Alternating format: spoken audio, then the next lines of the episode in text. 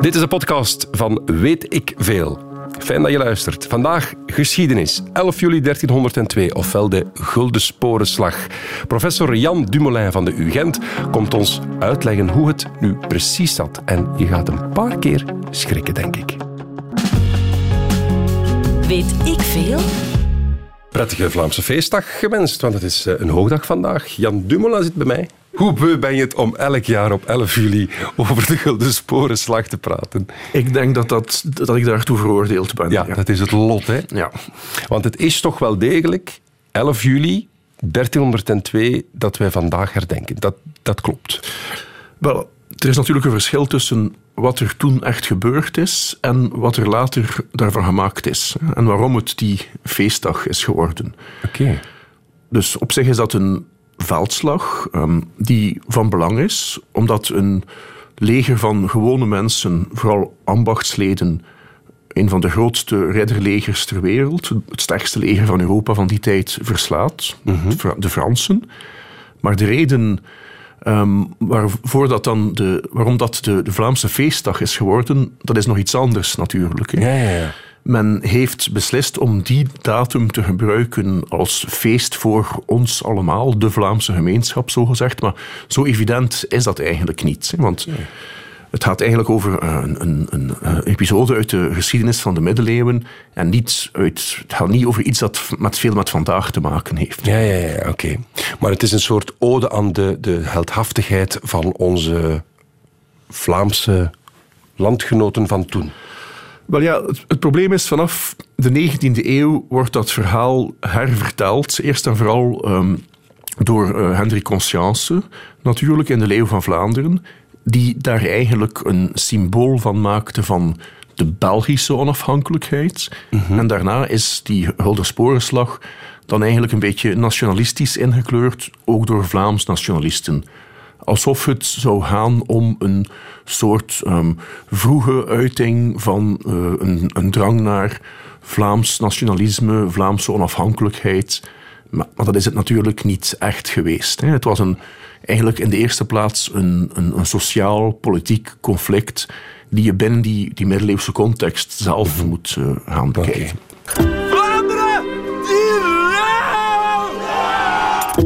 Voilà, fragmentje uit uh, de film zeker, hè?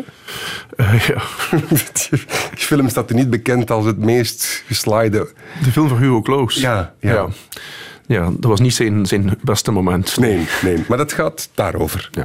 Jan, neem ons terug naar 1302, als je wil. Waar, waar staat Vlaanderen? Wat is Vlaanderen? Hoe ziet de wereld er op dat moment uit? Ik zou jullie eigenlijk eerst willen terug meenemen naar het jaar 1050. Oké, nog een pak daarvoor. Omdat als je 1302 wil begrijpen, dan moet je weten in welk voor wereld we zitten, waarbij Vlaanderen en ook bij uitbreiding de zuidelijke Nederlanden. Als ik zeg Vlaanderen, dan gaat het over, op dat moment over het graafschap Vlaanderen. Mhm. Het hertogdom Brabant is, is nog iets anders. Hè. En de Limburgers wonen in het graafschap Loon, dat een deel uitmaakt van het uh, prinsbisdom Luik. Later dan zal dat worden het graafschap Henegouwen. Dus al die gewesten zijn eigenlijk zeer verstedelijkt. Deze gebieden, eh, het latere België, de zuidelijke Nederlanden, zijn een van de plaatsen ter wereld waar de meeste mensen uh, of toch in Europa, want uh, op dat moment staat de moslimwereld veel verder dan ons natuurlijk, uh -huh. waar de meeste mensen, het grootste percentage mensen in de stad woont. Normaal gezien in middeleeuws Europa woont slechts 10% van de bevolking in de stad. Bij ons is dat 30 à 40%. Okay. En dat is eigenlijk gebeurd vanaf de jaren 1000, 1050 gaat die bevolking van de steden heel snel toenemen. En, en waarom is, is dat specifiek?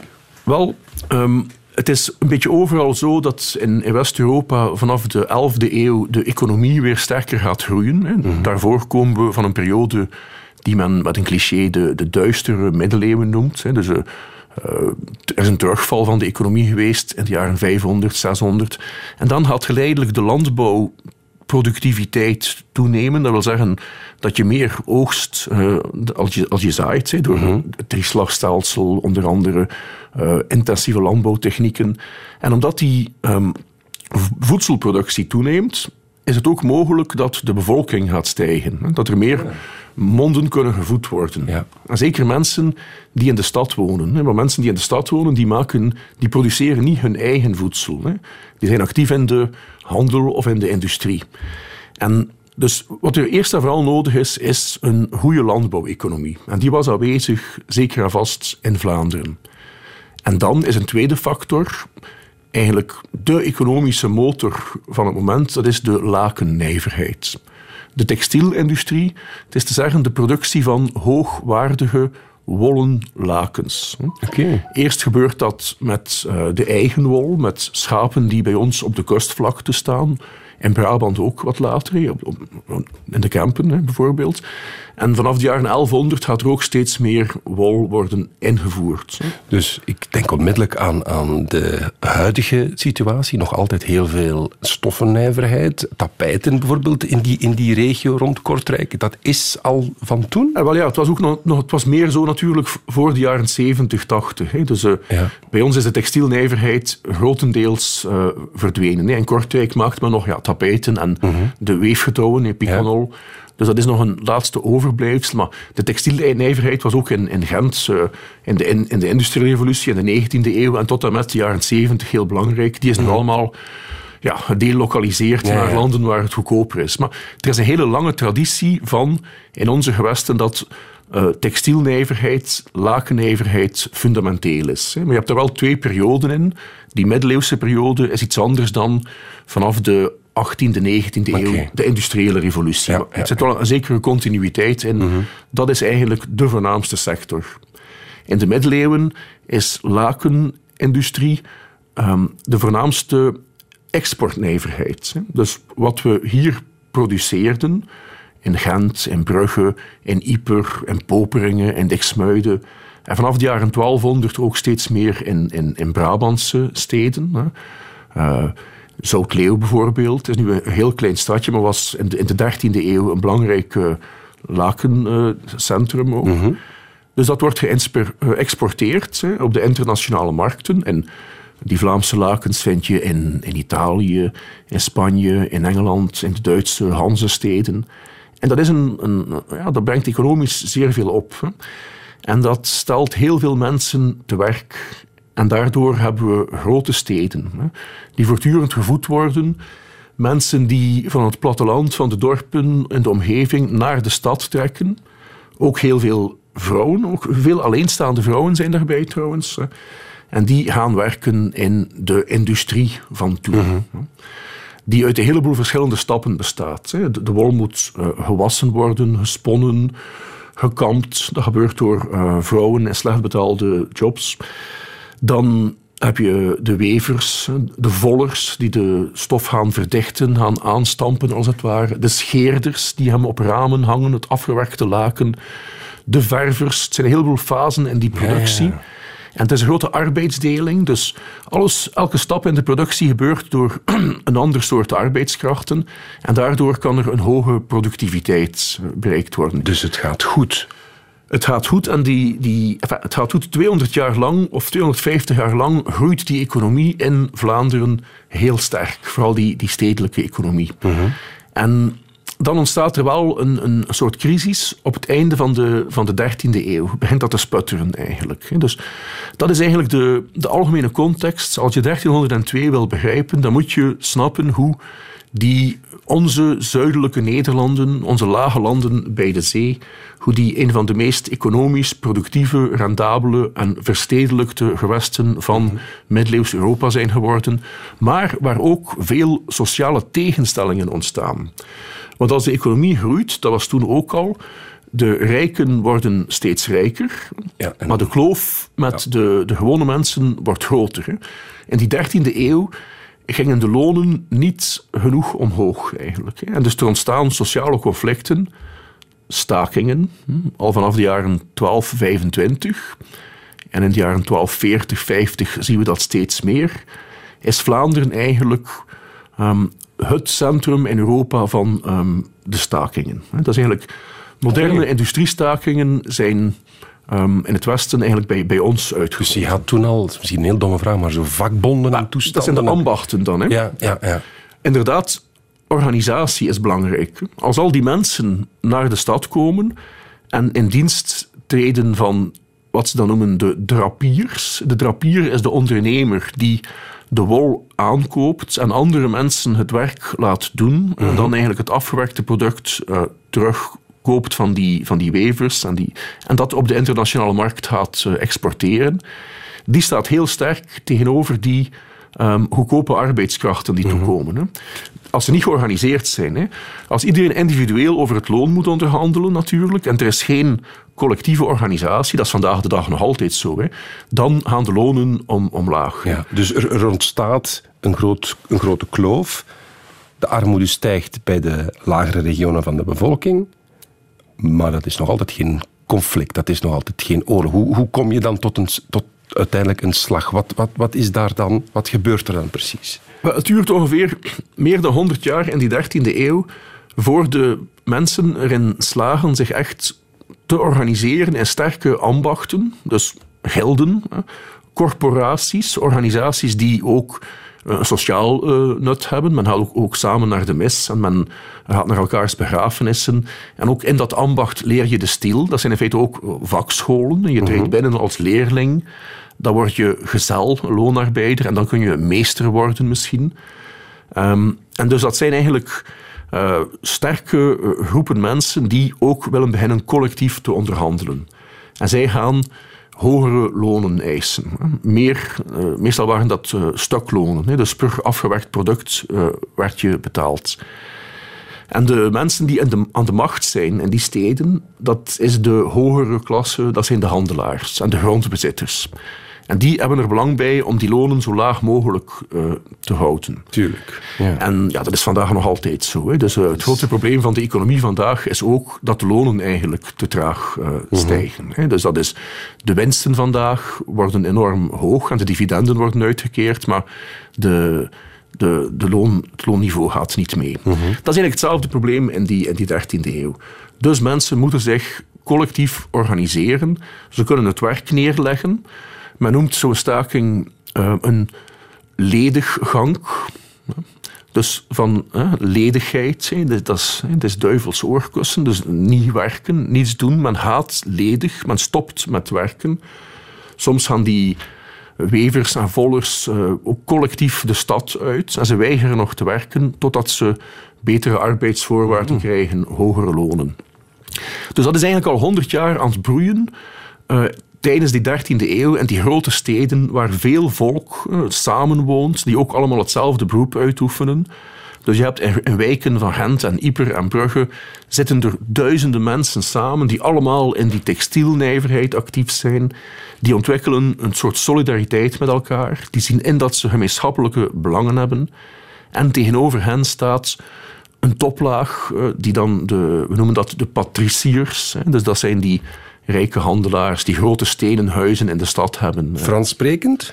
Wel, die waren wel georiënteerd naar een dominante um, cultuur. En de dominante literaire cultuur op dat moment is zeker Frans. De elite sprak Frans. Maar het is niet zo dat onze um, kooplieden allemaal...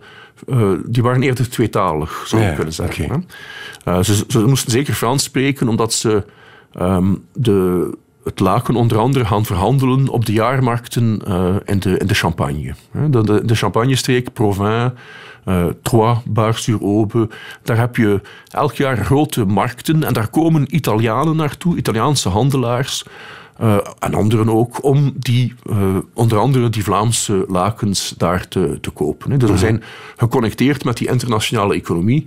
En die, die, die handelaarsklasse is Um, die heeft een, een, een, cosmopolitische blik op de wereld. En het Frans is natuurlijk de dominante cultuurtaal. In middeleeuws Europa is het Frans wat vandaag het Engels is. Het contrast tussen arm en rijk groeit.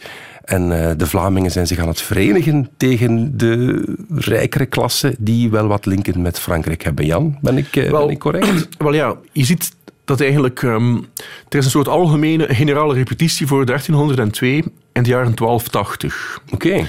Um, er is een golf van opstanden in Gent, in Brugge, in Yper, in die periode 1280, waarbij die ambachtslieden um, voor het eerst uh, heel duidelijk gaan proberen ook um, de macht over te nemen. Uh Uh, ze willen hun eigen organisaties, ze willen zelf hun eigen bestuur kunnen benoemen. Er waren al ambachten, maar die, waren, die werden van bovenaf door het stadsbestuur eigenlijk gecontroleerd. De, mhm. De, de eigen leiding van de ambachten werd aangesteld door de schepenen. En de mensen willen hun eigen leiding kunnen verkiezen en ze willen ook lid worden van het stadsbestuur. Ja, En ze willen controle op wat gebeurt er met onze belastingen. Dat is heel belangrijk. Dat is dan tegen het lokale bestuur, maar hoe komt het dan uiteindelijk tegen de Fransen? Ja, er komt daar een tweede um, tegenstelling. Dus je hebt die, die ene tegenstelling is die tussen die ambachtslieden en uh, het patricische stadsbestuur. Maar nu komt er een, een, een, een tweede uh, contradictie op de proppen, als het ware. Dat is de koning van Frankrijk, um, Philips IV, Philippe le Bel, Philips de Schone, die aan de macht komt, is een, een nieuwe koning in de jaren 1280 die wil steeds meer macht naar zich toetrekken. Mm Dat is ook een, een, proces in de, in de late middeleeuwen van staatsvorming. Dat wil zeggen, de nationale staat krijgt meer bevoegdheden, krijgt meer macht, de legers worden groter en de belastingen gaan omhoog. En de koning van Frankrijk laat zijn begeerig oog vallen op die Vlaamse economie. Nu, Vlaanderen is strikt genomen een deel van, van Frankrijk. Het is een leen. De graaf van Vlaanderen is een vazal van eh, een, een, leenman van zijn leenheer, de koning van Frankrijk. Mhm. Maar de facto is dat autonoom. De koning heeft eigenlijk zeer weinig te zeggen in, in Vlaanderen. Het is die, de graaf, gewijde van Dampierre, die uh, bestuurt. En uh, de adel natuurlijk en de, die patriciërs in de steden.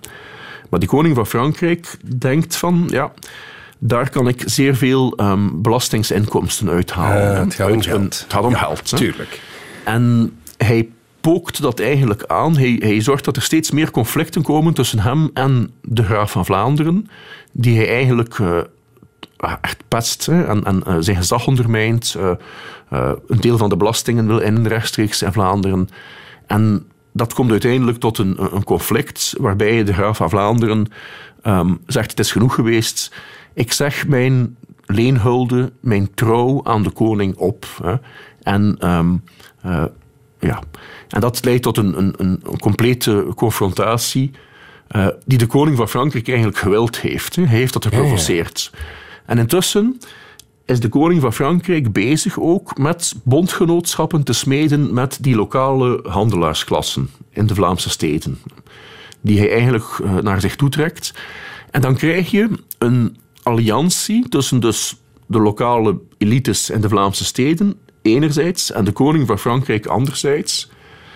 En die ambachtslieden gaan zich dan uiteindelijk ja, bijna genoodzaakt um, aan het uh, scharen in het kamp van de graaf van Vlaanderen. Dus je krijgt een dubbele tegenstelling met een soort... Ja, ja, ja. ja. Um, ja, bien étonné de se retrouver ensemble, zegt men in het Frans. Of in het Engels, odd bedfellows. Ja, het was... Die 1302 is eigenlijk gewonnen door de, de graaflijke familie van Dampierre, want de graaf zelf zat in de gevangenis in Frankrijk, die een heel tegennatuurlijke alliantie aangaat met het de gewone arbeiders, volk. De, de arbeiders, de middenklassen, de boeren, de kleine ondernemers, onder leiding van um, Pieter de Koning. Uh En omdat ze op die manier verenigd zijn tegen elkaar, na, na heel wat uh, peripetieën.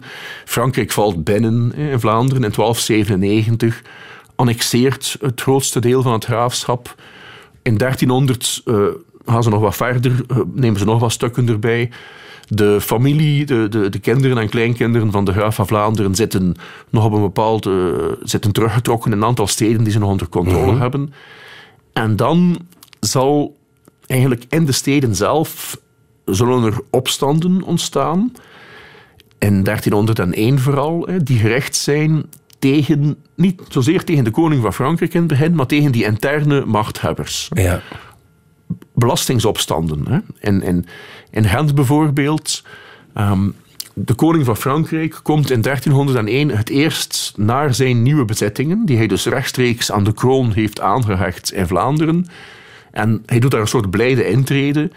En de Gentse uh, volksklassen die eisen dat hij een, uh, een gehate belasting afschaft. De assisen noemde men die belastingen. Dat waren eigenlijk um, verbruiksbelastingen, dus um, BTW. BTW eigenlijk. Ja. BTW op bier, wijn, uh, brood op basisproducten eigenlijk. Hè? Want uh, ja, basis.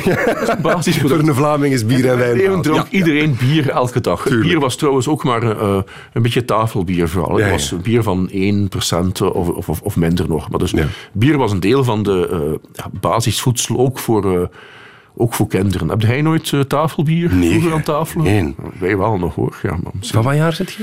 Van 74. Misschien, ja, dat mag niet meer tegenwoordig. maar het tafelbier van Pierre Boeuf, van de, ja, ja, ja, ja. Je wordt dat toch een klein beetje suf van misschien. Volgende week hebben we ook een, uh, weet ik veel over alcoholisme. Misschien... Uh, ja, wel, ja, dus we moeten duidelijk. Om, de, om de kinderen gewoon te maken. Ja, ja, was ook, bier was ook voedzaam natuurlijk. En tuurlijk, was gekookt, hè, daar zaten voedingsstoffen aan. Het was geen vervuild water. Hè. Uh, dat is een basisproduct. Hè. En dus dat is eigenlijk een zeer onrechtvaardige belasting. Want als je, ja, dat is een flat tax. Hè. Als, je, als je belastingen heft op iets dat iedereen elke dag nodig heeft, is dat natuurlijk, daar profiteren de, de, de rijken van. Hè. Dat is, dat is Alles geen, wordt duurder, maar de rijken worden de rijken, rijker, Dat is hetzelfde als men vandaag nu een verkeersbelastingen of een vliegtuigtax gaat instellen. Daar zullen de rijken niet van wakker liggen natuurlijk. Nee, nee, nee, Enkel de gewone mensen zullen, zullen daar last van hebben. Hè. En dat is iets, uh, dus de, de, de, gewone mensen willen dat die belasting wordt afgeschaft. Hè. De koning van Frankrijk staat perplex eigenlijk, hij had dat niet verwacht. En hij zegt, ja, het is goed.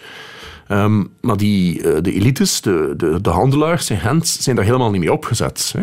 Zij willen helemaal niet dat die belasting wordt afgeschaft. En dan gaan ze die opnieuw invoeren. Hè. En um, dat leidt tot zeer veel onvrede. En als de koning dan van Gent naar Brugge wil trekken, om ook daar zijn blijde intrede te doen, dan um, verbiedt het stadsbestuur van Brugge uh, iedere uh, manifestatie uh, van de ambachtslieden eigenlijk, om te verhinderen dat ze dat ook zouden doen. Hè, zoals in het geval is. Censuur. En dan, dan komt de koning daar, daar binnen in Brugge en iedereen is zwijgt. Hè. Er, wordt ook niet, er wordt ook geen gejuich. Hè. Dus ze, hun protest is dan eigenlijk om niets te zeggen. Wat dan niet verboden was. Want men ging met de doodstraf mensen uh, bestraffen die uh, ook zouden zo'n eis formuleren om mhm. belastingen af te schaffen. Maar het is muisstil. En dat is een schokeffect. Op dat moment is er eigenlijk al iets aan het broeien.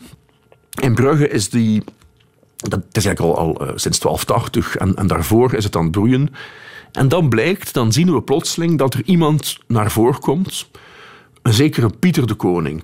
En dat, die, die wordt in chronieken omschreven als een man die dan al ja, in de 40, 50 moest zijn. Hè? Een man die met voor de normen van die tijd dan met gezag kan spreken.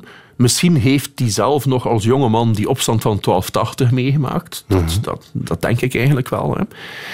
Hij, is, hij zou een kleinere man zijn, maar iemand die zeer, volgens sommige chroniekschrijvers, is hij ook wat gebocheld of slechtziend of zo. Dat is allemaal onduidelijk, maar hij spreekt met zeer veel... Um, uh, Het is een redenaar. Niet, niet de mooie man. Waar dat, ja, nee, maar de... De stijl, grote, sterke... Nee, het is eigenlijk niet zo. Nee, maar hij, hij, hij, hij weet te, het gewone volk te beroeren met zijn, zijn, zijn woorden. Dus eigenlijk, het is iemand uit die, die, die volksklassen zelf. Mm Het is niet een opstandelingenleider die uh, uit de elite komt, zoals Jacob van Artevelde. Dertig jaar later heb je in Gent Jacob van Artevelde, maar dat was eigenlijk een, een, een, koopman, een rijke koopman die het gewone volk achter zich kreeg. Mhm. Pieter de Koning is echt iemand van de mensen zelf. En ja, hij staat in, in, in chronieken in heel Europa, wordt zijn naam genoemd. Hij wordt echt een, een, een beroemdheid. Hè. Men is onder de indruk van zo'n um, volksmanner, een redenaar. Ja. En die werpt zich op als de leider van het verzet. En dat verzet is gefocust vooral in Brugge op dat moment. Pieter de Koning um, moet, uh, krijgt de stad op een bepaald moment in handen. Dan moet hij weer wegvluchten. Uh, sommige mensen keren zich dan weer tegen hem. Um, maar uh, op een bepaald moment dan zal het gebeuren. De Franse bezetters, als het ware, zijn zijn in Brugge trekken opnieuw binnen, dat het daar, daar al een opstand is geweest. Hè, onder leiding van, en, en dat wordt dan later de ultieme slechterik in de, in de, bij, bij Conscience, Jacques de Chatillon. Hè. Dat is een van die figuren uh, uit onze nationale geschiedenis, een van de, de echte evil person. Zo is de hertog van Alva later ook. Hè. En die um, bedreigt dan eigenlijk de, de Burgse bevolking. Pieter de Koning en zijn aanhangers die zijn gevlucht in de omgeving. Die zitten in de, in de Zwinstreek rond Damme. Hè. Die hebben zich verstopt uh, in de omgeving van de stad. En s'nachts gaan die dan um, ja, de stad weer binnendringen. En dan is er afgesproken, dat is dan op 18 mei 1302, de opstand die dan later de Brugse Metten genoemd zal worden. Is dat waar Schild en Vriend, waar dat daar, daar gebruikt om te zien wie Franstalig en... Wel, het is te zeggen... Um, Eerst en vooral, die opstand heet niet zelf uh, in de tijd de Brugse Metten, maar heet de Goede Vrijdagopstand. Dus dat mhm. is al iets uh, wat later veranderd is geweest. Ook um, door um, ja, 19e-eeuwse romantische geschiedschrijvers. Naar analogie met de Siciliaanse Vespers. Dat is ook zo'n opstand in de middeleeuwen. En dan heb je heel die uh, schild- en vriend-historie. Schild en vriend is effectief het, het, wachtwoord dat dan gebruikt wordt. Het staat in een Latijnse chroniek die we daarover hebben. Um, Clipeus et amicus. Maar het dient niet om iemand te herkennen of hij Frans is of niet. Ah, oké. Dat klopt niet. Het is eigenlijk een soort codewoord waarbij men vriend en vijand uh, kan herkennen. De, um, dat verhaal van dat de Fransen dat zo gezegd niet konden uitspreken. Skild en vriend. En vriend, dat is eigenlijk... Ja, dat is eigenlijk een vervorming van het echte verhaal. Hè. Dat komt uit de Bijbel. Hè. Daar heb je ook het verhaal van Shibboleth en Sibolet. Hè. Met de, bent u niet de Bijbel? Ik hoor het even donderen. Ja, ja, ja. Het is ook zo'n verhaal van de, de Filistijnen. En, de, en je, als je het woord niet kan uitspreken, dan uh, ben je de vijand. Hè. En de, de, de dat is onder invloed van die Bijbelhistorie heeft men dat ervan gemaakt. Maar het is wel degelijk schild en vriend dat men zei. Hè. En niet, men heeft daar later nog andere verklaringen voor gezocht die verkeerd zijn. Hè. Sommige, um, op een bepaald moment heeft een historicus gezegd, ja, dat moet eigenlijk des gelden vriend geweest zijn van de gelden, maar dat klopt niet. Het staat letterlijk in de bronnen schild en vriend, schild en de vriend. Maar het is niet zo dus dat je eh, als Fransman gedwongen werd om dat uit te spreken. Ah, of zo, dus dat is een beetje ja, ja. fout. Uh, het is de, de, de leuze, de strijdkreet van die partij, hè, die ook niet de Kloaards heten. Want die Kloaards, dat is een term van 80 jaar later. In 1302 waren er geen Kloaards. Uh mhm. -huh. Er waren wel Leliaards. Dat staat wel in de bronnen, in de chronieken en archiefdocumenten van de tijd. De, de Leliaards was dus de partij van die patriciërs die de kant van de koning van Frankrijk hadden gekozen. En ook ja, de lelie is het, uh, het wapenschild van Frankrijk, hadden ze op hun kleren bevestigd. Maar Klowaerts is iets eigenlijk van, een, een, van 1380. Dus je krijgt die scheiding tussen de, de, de Vlaamse onderklasse, de, de, de middenklasse, de, de arbeidersklasse en, het, en, en, en Frankrijk samen met de rijken van hier. Dat escaleert. Ja. Tot op een bepaald moment dat er beslist wordt om te vechten? Of hoe, hoe, hoe komt men echt aan die Gulden Sporenslag? Die die 18e mei, die Brugse metten, daar worden er uh, meer dan 80 Franse rijders uh, omgebracht in Brugge. En dat is eigenlijk de point of no return. Hè. Op dat moment is de, de confrontatie, uh, de, de, totale confrontatie is onvermijdelijk geworden. Ja. Want die, de rebellen in de Vlaamse steden en andere ambachtslieden in andere steden denken dan, wow, we kunnen winnen. Hè? We kunnen het halen tegen, die, tegen die, Franse bezetter. Hè? Want vooral duidelijkheid, op dat moment, het Franse leger was het beste leger ter wereld, werd gezegd. Absoluut. Hè? Dus het, het, Oost, wordt dat in het middeleeuws genoemd, het grote ridderleger. Ja. Um, best getrainde. Um, nu, in de 14e eeuw zal dat wel blijken dat de Engelsen voortdurend zullen winnen tegen de Fransen. Ja, ja, okay. met, met hun uh, boogschutters en zo. Dus dat, op dat moment staan ze aan top van hun militaire uh, kracht. Hè. Maar ik heb bewust eigenlijk veel verteld over die, die ruimere tegenstellingen. Hè, en ben de tijd wat aan het volpraten, zonder dat ik zelf op die, op die, tot, uh, tot, op, op, die slag inga. Ik doe dat ja, we hebben nog elf minuten. Ja, ik doe dat eigenlijk een beetje expres. Okay. omdat dat is niet het belangrijkste. Uh, die militaire confrontatie op 11 juli, die dan eigenlijk... Ja, de, de, de, Vlamingen kunnen niet meer terug, dus zij hebben al zodanig, ze zijn zodanig ver gegaan hè, tegen de Fransen dat het enige wat hen recht is, rest is de, ja, de veldslag. de veldslag aangaan. Het, ehm, ik ben geen specialist in wapengekletter of militaire geschiedenis. Hè. Ik ga u niet beginnen vertellen over hoe en wie wat waar op het slagveld stond. Hè. Er zijn natuurlijk die beken dan, hè, die, die drassige beken waar de Franse rijders in zullen vallen. Hè. Er zijn daar echte specialisten van, mensen die daarmee bezig zijn, die dat heel leuk vinden ook zo. Um, dat noemt men de histoire bataille. Hè. De, de, dat is een hele ouderwetse visie op geschiedenis, waarbij het allemaal over koningen en veldslagen gaat. De essentie van de zaak hè, op 11 juli, en die, bij die slag bij Kortrijk, is, is dat het een volksleger is dat wint. Hè. Het grootste deel, er staan ongeveer 8000 à 10.000 mensen aan de, aan de twee kanten tegenover elkaar. Hè. Okay. Um, maar de troepen van de Vlamingen zijn, het grootste deel daarvan is de Brugse ambachtsmilitie. Dat zijn dus die ambachten die hun eigen um, ja, die gewapend zijn ook. Ik heb wel gezegd... Maar gewapend met knuppels? Met um, pieken. Hè? Echt letterlijk uh, de riek van het veld? Een, een piek, nee. Een, een piek, piek. Is, is, een soort uh, lang steekwapen. Hè. Ah, ja. De goede dag uh, is dus niet zo... Um, veel mensen denken aan zo'n zo, zo een, een die bol. met die pinnen. Dat is een morgenster. Hè. Dus een goede dag is eigenlijk een soort... Um, een soort lange houten staak en daar is dan een ijzeren, een stalen ring aan bevestigd met een, met een punt nog. Dus ah, je ja, kunt er zowel mee steken als mee, mee slaan ook. Hè. Dat was wel ideaal om uh, uh, een charge van, van, van paarden, dus om je schrap te zetten met zo'n zo'n goede dag in de hand tegen de aanstormende... Maar dus de Fransen hadden inderdaad paarden en ja, waren... Ja. de, Fransen hadden veel meer uh, ridders in hun leger, maar zij gaan uiteindelijk... Ja, ze verliezen. Dat heeft militair-tactische redenen. Uh, ze zijn onverstandig geweest. De Vlamingen hebben verstandig gebruik gemaakt van de condities van het terrein. Nu, los van die, die, die, die militaire um, details daarover, hè, waar je eigenlijk um, van alles over zou kunnen vertellen, maar ik vind het interessantste is dat het, en dat is ook in, Schotland gebeurt dat dan ook, in Bannockburn, hè, uh, een volksleger van gewone mensen. Braveheart. Ja, Braveheart, ja. Hè, ja. Ja. wint tegen de feodale bovenklasse. Ze hebben aangetoond die, die, die ambachtsmilities, dat die ook kunnen vechten. Hè.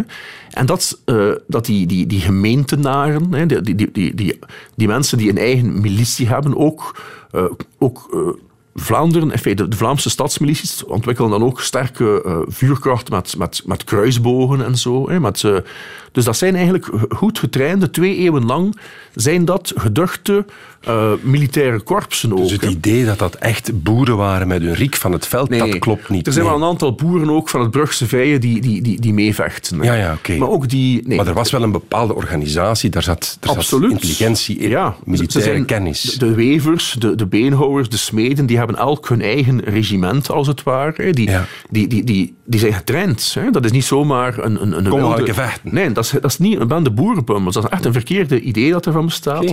Dit is een zelfbewuste groep middenklasse mensen en arbeiders die ook ehm, gewapend is en daarmee hun politieke eisen kunnen afdwingen. Hè. Weten we om hoe laat ze afgesproken hadden om te vechten? Hoe, hoe gebeurde dat toen? Was, is dat met brieven sturen van ik daag je uit op dat moment daar? Hoe wordt zoiets afgesproken?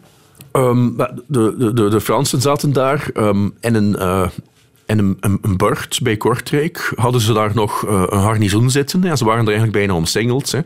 En de, het Vlaamse leger uh, gaat naar daar. En ze weten Ah ja, dat de Fransen hen daar gaan uh, komen, komen ontzetten. Hè. Is dat Groeningen? Ja, de Groeningen Quote. De Groeningen Kouter, dat Ja. is waar dat kasteel, daar zaten de Fransen en de Vlamingen, Ja. zijn Ja. gewoon naar daar getrokken en gezegd, kom maar naar buiten. Daar is de, de confrontatie plaatsgevonden. Hè. Ehm, en maar er zullen nog andere volgen daarna. Hè. Het is daar niet mee, niet mee afgelopen ook. Hè. Maar Ah, het is wel... Nee, er komen nog... De, in de, de, de twee jaar daarna zijn er nog heel veel verschillende eh, militaire campagnes, kleinere schermutselingen. De slag bij de Pevelenberg in 1304, Mons-en-Pével. eh, Vlaanderen had ook zich richten tegen Holland en Henegouwen. Hè, want Holland-Henegouwen, dat waren ehm, eh, de bondgenoten eh, van Frankrijk. Er komen zeeslagen tegen de Hollanders en bij Zierikzee, die, die de Vlamingen dan verliezen. Hè. Ja. Dus er is dan nog een hele ehm, eh, militaire situatie die nog twee jaar verder gaat. En ehm, waar uiteindelijk ja, de Fransen... Ja, op de slag bij de Pevelenberg bijvoorbeeld is het een soort gelijkspel in 1304. Hè. Ehm, daar slaagt er niemand in echt te winnen. Maar de Fransen kunnen toch die, eh, die overwinning claimen. En ja, het lukt Frankrijk nooit meer om Vlaanderen opnieuw militair uh, onder de uh, knoet te krijgen. Daarom dat die 11 juli toch als een soort keerpunt Die 11 juli is echt wel belangrijk. Er is vaak een beetje het gevoel vandaag bij mensen die dan... Allez, omdat in de 19e, 20e eeuw dit allemaal politiek geworden is, uh-huh. hoor ik vaak bij mensen, ja, 11 juli, daar staat niets voor, dat is helemaal niet belangrijk, dat is gewoon mythevorming van de Vlaamse nationalisten en het gaat over huidige politiek. Maar dat is fout. Hè. 11 juli is extreem belangrijk. 11 juli is in de Europese geschiedenis een enorm belangrijke sociale militaire veldslag. Dat wil zeggen, het is een volksleger dat wint.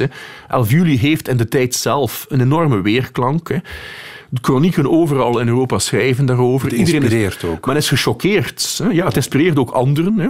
Want 11 juli is niet alleen Vlaanderen. Hè. Er, is ook, er zijn ook opstanden in Brabant. Hè. Dat is veel minder gekend. Hè. Er waren in 1302, al was er al een opstand in Antwerpen trouwens, in Mechelen. Hè.